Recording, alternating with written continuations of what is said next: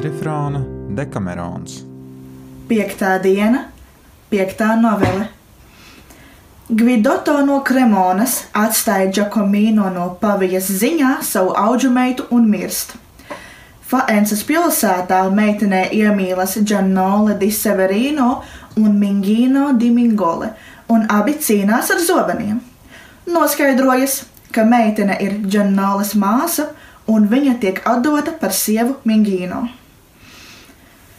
It visas dāmas, klausoties noveli par lakstīgalu, tik ļoti smējās, ka vēl ar vienu, kaut gan filostrāts jau bija beidzis stāstīt, nespēja rimties. Tomēr, kad viņas kādu brīdi bija smējušās, karaliene sacīja: Patiesi, ja tu vakar mūs skumdināji, tu mūs šodien tā uzjautrināji, ka nevienai nav iemesla žēloties par tevi. Un, pievērsusies Neifilei, tā pavēlēja, lai viņa stāsta savu noveli. Neifile jautri iesāka stāstīt tā. Tā kā filostrāts ar savu stāstu ir iegriezies Romaņā, tad arī man nav nekas pretī par to mazliet pastaigāties savā novelē. Un tā, es saku, reiz Fano pilsētā dzīvoja divi lombardieši, no kuru vienu sauca par Gvidoto no Kremonas, otru par Giacomino no Pavijas, un kuri abi bija vīri jau labi gados, un pavadījuši gandrīz visu savu jaunību kara gaitās, būdami krietni karotāji. Kad pienāca Gvidoto nāves stunda, tā kā viņam nebija nec dēla, nec cita drauga vai radinieka, kam viņš vairāk uzticētos nekā Giacomino, viņš atstāja tam savu meitiņu, apmēram gadus desmit vecu, un visu, kas viņam šajā pasaulē piederēja, un sīki pārunājis ar to par savām lietām, nomira. Notikās, ka šai laikā Faences pilsēta, kas ilgus gadus bija kara un posta piemeklēta, atkal atgriezās, um, atkal mazliet uzplauka, un katram, kas vēlējās, bija atļauts brīvi tajā atgriezties.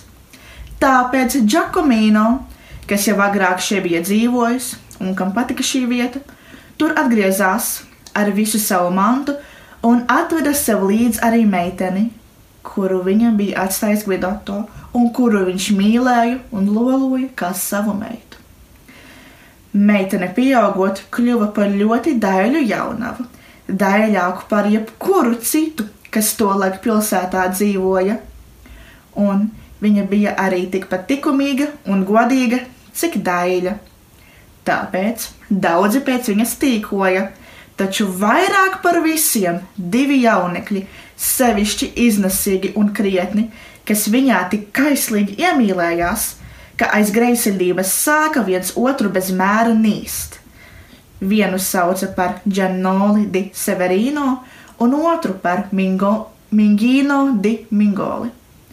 Kad meitenei bija 15 gadu, katrs no viņiem to labprāt būtu ņēmis par sievu, ja vien vecāki atļautu. Tāpēc, redzēdami, ka tā viņam tiek liekta, minot pienācīgu iemeslu, katrs pie sevis nolēma iegūt to tādā ceļā, kāds nu liktos piemērotāks. Giacomino mājās bija kāda pavacāka kalpone un kalps vārdā Krivello, patīkams un visai laipns cilvēks. Ar to Džanoli ļoti iedraudzējās, un, kad viņam šķita pienācis īstais laiks, viņš izstāstīja tam par savu mīlestību un lūdza, lai tas palīdzot sasniegt viņam ilgoto, apsolīdams daudz ko, ja Krivello to izdarītu. Uz to Krivello atbildēja: Redzi, šai lietā es tev nevarēšu palīdzēt nekā citādi, kā vienīgi ievedot tevi pie viņas, kad Giacomino aizies kaut kur vakariņot. Jo, ja es viņai gribētu kādu vārdu par tevi aizlikt, viņa nekad mani neuzklausītu. Ja tev tas paprātam, es tev to apsolu un arī izdarīšu. Un tu vēlāk, ja proti, rīkojies tā, kā tev šķietas labāk esam.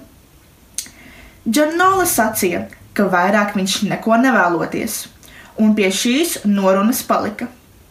Mingīno savukārt bija iedraudzējies ar kalponi un panāca tik daudz, ka tā jau vairākas reizes bija nesusi meitenei sūtījumus un gandrīz iekvēlinājusi viņam mīlestību.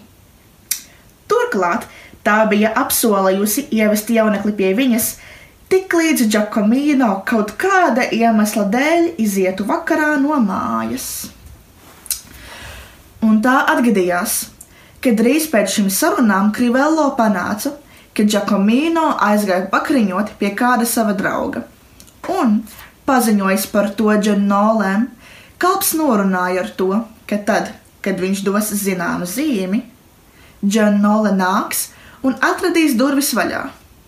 Kalpone savukārt, neko par to nezinādama, aizsūtīja Mingīno ziņu, ka Giacomino šovakar nēdīs vakariņas mājās, un sacīja, lai viņš uzturoties mājas tuvumā, tā, lai tūliņ, līdz ko ieraudzītu zīmi, ko tā došot, būtu klāt un varētu ieiet pie meitenes. Kad pienāca vakars, abi mīlētāji viens par otru neko nezinādami, bet turēdami viens otru aizdomās, ar dažiem apbruņotiem draugiem devās iegūt meiteni sev. Mingino ar saviem apmetās kāda drauga namā netālu no meitenes mājas, lai gaidītu tur norunāto zīmi. Džanole ar saviem novietojās mazliet nostāk no mājas. Kad Giacomino bija aizgājis, Krivello un kalpone lūkoja viens otru aizsūtīt prom. Krivello sacīja kalponei: Kāpēc tu neej gulēt? Ko tu te grozies pa māju? Un kalpone sacīja viņam: Bet tu, kāpēc neej pēc sava kunga? Ko tu šeit vēl gaidi? Vakariņas taču esi pēdis. Un tā nevienam neizdevās dabūt projām otru. Kad nu Krivello redzēja, ka pienākusi ar Džanoli norunātā stunda, viņš pie sevis noteica, kas man garšo daļas, ja šī neklusēs, gan dabūs no manis. Un, devis norunāto zīmi, viņš gāja atvērt durvis, un Džanoli ar diviem biedriem tuliņi bija klāt un iesteidzās iekšā. Un, atraduši meiteni zālē, satvēra to, lai vestu prom. Meitene sāka pretoties un stipri kliegt, un kalpone arī dzen. To izdzirdējis, Mingīno ar saviem biedriem tuliņ atskrēja šurp, un, redzēdami, ka meitene jau velk ārā pa durvīm, viņi izrāva savus zobenus, un visi kliedza: Ā, nodevēji, mirstiet! Tā tas nepaliks! Kas tā par varmācību? Un, to teikuši, viņi ķērās pie zobeniem Uz troksni izskrēja arī kaimiņi ar lāpām un ieročiem un ņēmās nosodīt šo sadursmi un palīdzēt Mingīno. Tālāk pēc ilga cīniņa Mingīno atņēma meiteni Džanolim un ieveda atpakaļ Džakomino mājā. Kautiņš beidzās tikai tad, kad ieradās pilsētas signora bruņkalpi un daudzus no viņiem saņēma ciet. To vidū arī Mingīno, Džanoli un Krivello un aizveda uz cietumu. Kad nu viss bija nomierinājies un pārādājis Giacomino, viņš ļoti sadusmojās par šo gadījumu. Izprašņājis, kā viss bijis, un noskaidrojis, ka meitene nekur nav vainojama, viņš mazliet apmierinājās un nolēma pie sevis, ka meitene, lai nekas tam līdzīgs vairāk neatgadītos, cik ātri vien iespējams jāizdod pie vīra. Kad otrā rītā vienu un otru jaunekļa radinieki uzzināja notikušo un saprata, kāds sots jaunekļiem gaidāms, ja Giacomino gribētu rīkoties pēc savām tiesībām, viņi aizgāja pie tā un pazemīgiem vārdiem lūdza, lai Giacomino neraugoties tik daudz uz apvainojumu, ko tam nodarījuši neapdomīgie jaunekļi, bet vairāk ļaujoties draudzī, draudzībai un labvēlībai, kādu kā šiem, kā šiem šķietot, tas izjūtot pret viņiem, kas to lūdzot, un piesolīja gan savā, gan vainīgo jaunekļu vārdā jebkuru atlīdzību, kādu tas vēlētos saņemt. Giacomino, kas daudz bija pieredzējis savā mūžā, un pēc dabas bija labsirdīgs cilvēks, īsi atbildēja: Signori, pat tad, Ja es atrastos savā ģimenē, kā pašreiz atrodos jūsējā, es uzskatītu sevi tādā mērā par jūsu draugu, ka ne šai, nedz arī kādā citā gadījumā nedarītu neko tādu, kas jums nebūtu paprātam. Un turklāt man vēl jo vairāk jādara jums paprātam, tāpēc, ka apvainoti esat jūs paši, jo meitene nav viss no kremonas vai pavijas, kā varbūt daudz domā, bet gan no Fainsas. Lai gan ne es, ne viņa, ne tas, kas man viņu uzticēja, nekad neuzzinājām, kā meita viņa ir. Tāpēc, ievērojot jūsu lūgumu, esmu, gas, esmu gatavs darīt visu, ko jūs man pavēlēsiet. Cienījamie vīri, dzirdēdami, ka meitene ir no Fainsas, nemazums brīnījās un, pateikušies Giacomino par augstsirdīgu atbildi, lūdza, lai viņš esot tik laipns un izstāstot, kā meitene nonākusi viņa rokās, kā viņš zinot, ka tā esot no Fainsas. Giacomino atbildēja: Gvidotto no Kremonas bija mans biedrs un draugs, un, guļot uz nāves cisā, man pastāstīja, ka tajā laikā, kad šo pilsētu ieņēmis imperators Federigo un viss bijis izlaupīts, viņš ar saviem biedriem iegājis kādā mājā un atradis to pilnu ar mantām, bet iedzīvotāji pamestu, izņemot vienīgi šo meiteni, kurai bijis divi gadi vai apmēram tik daudz, un kura viņu nosaukusi par tēvu, kad viņš kāpjas augšā pa kāpnēm. Tāpēc viņš iežēlojas par mazo, paņēmis to sev līdzi uz fano kopā ar visām mantām, kas atradušās mājā, un, būdams tuvu nāvei, viņš atstāja man meiteni un to, kas viņam bija, uzdodams man meiteni izprecināt, kad pienāks laiks, un visu, kas viņam piederējis, atdot tai pūrā. Tā pašreiz ir precība gados, bet es neesmu varējis to atdot cilvēkam, kas man būtu paprātam, lai gan es to labprāt darītu, lai vairs neatgadītos tāds notikums kā vakarējais. Klātesošo vidū atradās kāds Gviljelmīno da Medicīna, kas kopā ar Gvidotto bija bijis šā gadījuma aculiecinieks un ļoti labi zināja, kura ir tā māja, ko Gvidotto bija aplaupījis. Un, Ieraudzījams tās īpašnieku klātesošo vidū, viņš piegāja tam klāt un sacīja: Berna Bučo, vai tu dzirdi, ko Giacomino saka? Jā, atteica Berna Bučo, un tieši pašreiz es par to jo vairāk domāju, jo atceros, ka toreizējās jukas pazaudēja meitiņu tādā vecumā, kā Giacomino stāsta.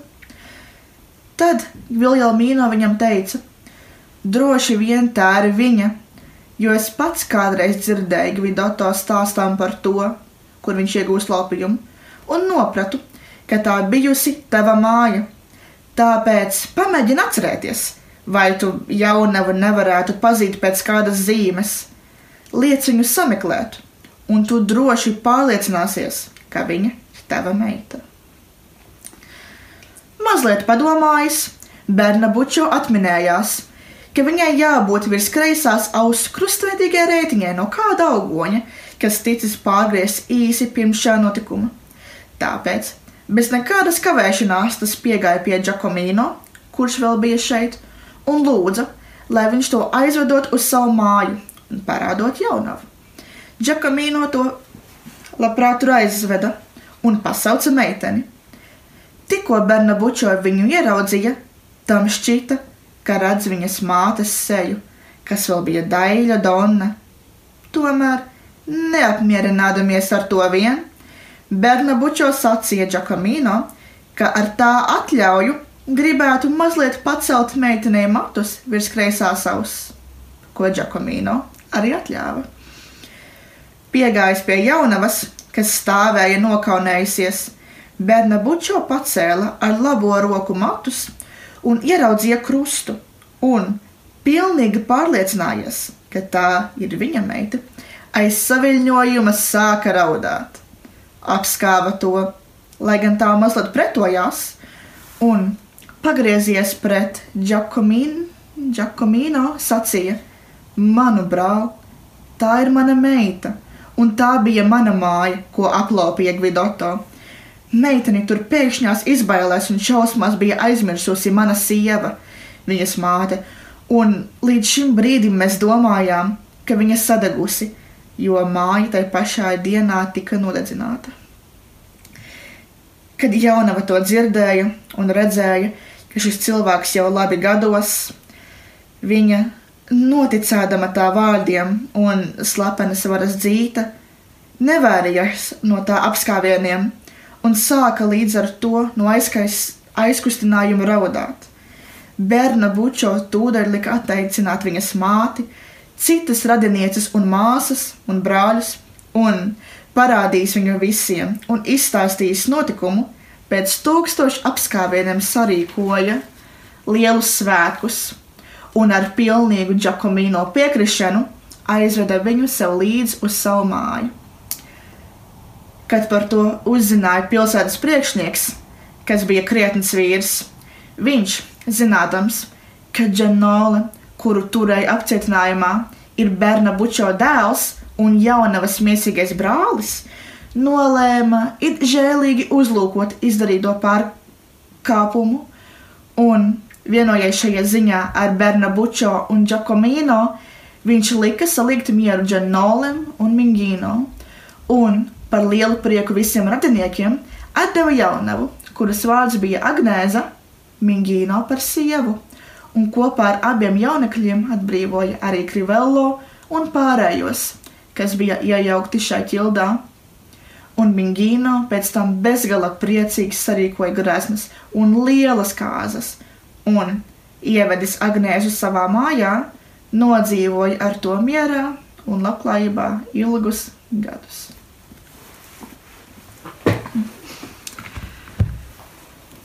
Sveiki! Mans vārds ir Ilza Klenhofa, un es esmu daudz kas.